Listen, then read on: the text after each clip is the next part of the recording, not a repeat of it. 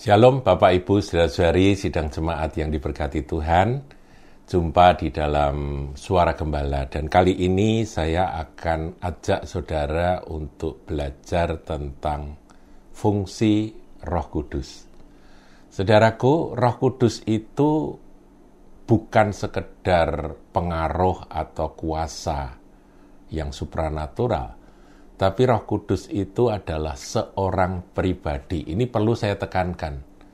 Karena dalam eh, pemahaman tentang Tritunggal, Roh Kudus, Roh Allah, Roh Tuhan itu adalah bagian dari Allah Tritunggal.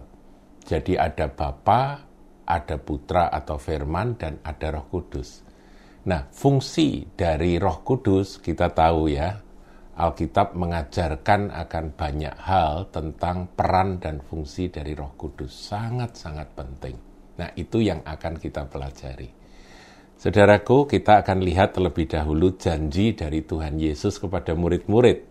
Jadi sebelum Tuhan Yesus naik ke sorga, ya bahkan sebelum naik ke kayu salib yang kemudian mati dikubur dan kemudian bangkit dan naik ke sorga, Tuhan berjanji akan mengutus Roh Kudus. Ya, ini adalah firman yang disampaikan oleh Tuhan Yesus. Saya bacakan di dalam Yohanes 14 ayat yang ke-15 mulai. Demikian bunyi firman Tuhan. Jikalau kamu mengasihi aku, kamu akan menuruti segala perintahku. Nah ini penting ya ada orang yang berkata, Tuhan Yesus, aku mengasihimu, tapi nggak pernah taat pada apa yang menjadi kehendak Tuhan, apa yang menjadi perintah-perintah dan uh, firman-firmannya. Jadi kalau mengasihi dia, ya harus mentaati, menuruti segala perintahnya. Ayat 16. Aku akan minta kepada Bapa dan ia, Bapa, akan memberikan kepadamu seorang penolong yang lain. Nah, ini menarik untuk dikupas, saudaraku. Seorang penolong yang lain, supaya ia menyertai kamu selama-lamanya. Ayat 17a dikatakan, yaitu roh kebenaran. Jadi, Tuhan Yesus di sini menjanjikan akan mengutus ya dia akan minta kepada Bapa dan Bapa dan Yesus kemudian mengutus akan seorang penolong yang lain. Ya penolong di sini dipakai kata dalam bahasa Yunani parakletos yang bisa diartikan penghibur um, penasehat yaitu uh, parakletos saudara. Pendamping ya. Itulah parakletos seorang yang akan menyertai dikatakan supaya ia menyertai kamu selama-lamanya. Artinya penyertaan Roh Kudus itu kepada anak-anak Tuhan itu selama-lamanya. Artinya sampai selesai akan tugas-tugas dari anak-anak Tuhan di atas muka bumi ini bahkan disertai sampai pulang ke surga. Seperti itulah yang Tuhan janjikan. Nah, sekarang saudara kita akan belajar. Seperti apakah Parakletos itu? Parakletos adalah satu pribadi karena eh, Tuhan Yesus memperkenalkan dia sebagai seorang penolong yang lain, parakletos yang lain. Tuhan Yesus sendiri itu juga pernah disebut sebagai parakletos, saudara. Tetapi kali ini parakletos yang lain. Parakletos yang lain. Nah, kemudian dijelaskan setelah dikatakan supaya ia menyertai kamu selama-lamanya, yaitu roh kebenaran. Jadi parakletos yang lain di sini bukan sosok manusia seperti Tuhan Yesus, tetapi roh kebenaran. Nah, saudara, sekarang kita akan belajar bahasa Yunani tentang yang lain. Kata yang lain itu dalam bahasa aslinya, bahasa Yunani adalah alos. Alos itu beda dengan heteros. Kalau heteros itu lain dalam arti berbeda jenisnya. Jadi kita akan mengenal istilah yang yang kita cukup pahami yaitu heteroseksual. Itu artinya apa? Uh, jenis kelamin yang berbeda. Heteros itu heteroseksual itu artinya seks yang berbeda. Jenisnya pria dan wanita.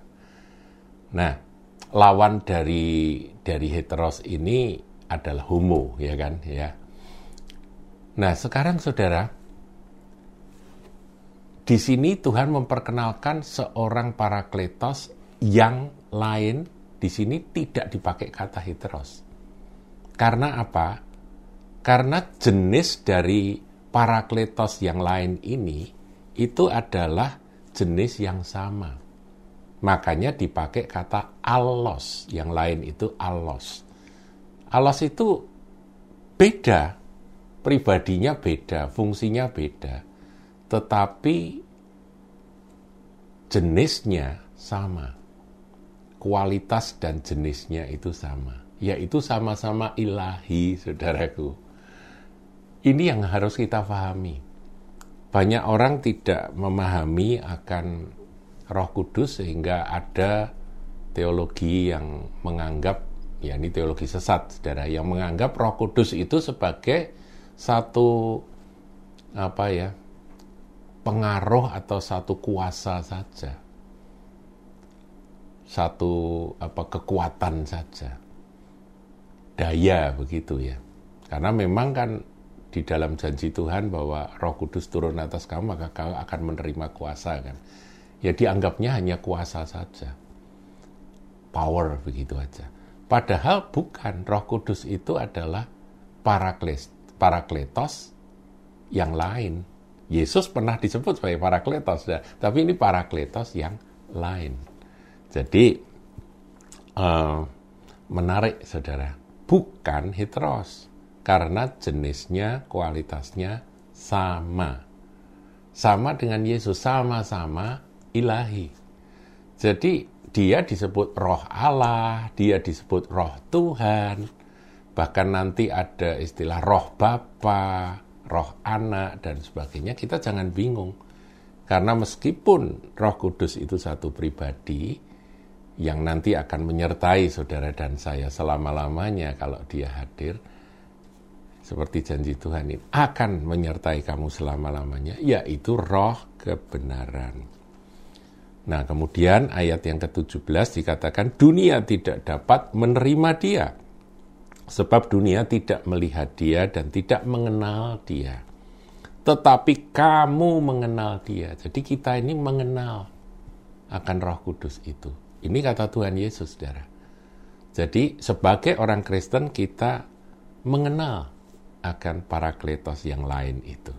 Yaitu roh kudus yang menyertai kita selama-lamanya sebab ia menyertai kamu dan akan diam di dalam kamu. Dia menyertai tapi juga diam di dalam kita. Wow, gambarannya seperti itu, saudaraku. Betapa luar biasa akan janji Tuhan ini. Ketika Tuhan Yesus naik ke surga, dia tidak meninggalkan kita yatim piatu, tapi dia akan menyertai kita melalui seorang penolong yang lain. Tetapi penolong itu adalah Allah. Ya, karena apa, Saudara? Dia jenisnya sama dengan Yesus yang juga adalah Tuhan Allah. Ya, inilah perkenalan kita tentang pribadi Roh Kudus. Berbahagialah kita yang um, menjadi anak-anak Tuhan, karena kita disertai dengan satu pribadi yang tidak kelihatan tetapi dia nyata dan ada dan bahkan dia tinggal di dalam kita. Nanti fungsinya apa kita akan belajar dalam uh, suara gembala berikut. Tuhan Yesus memberkati.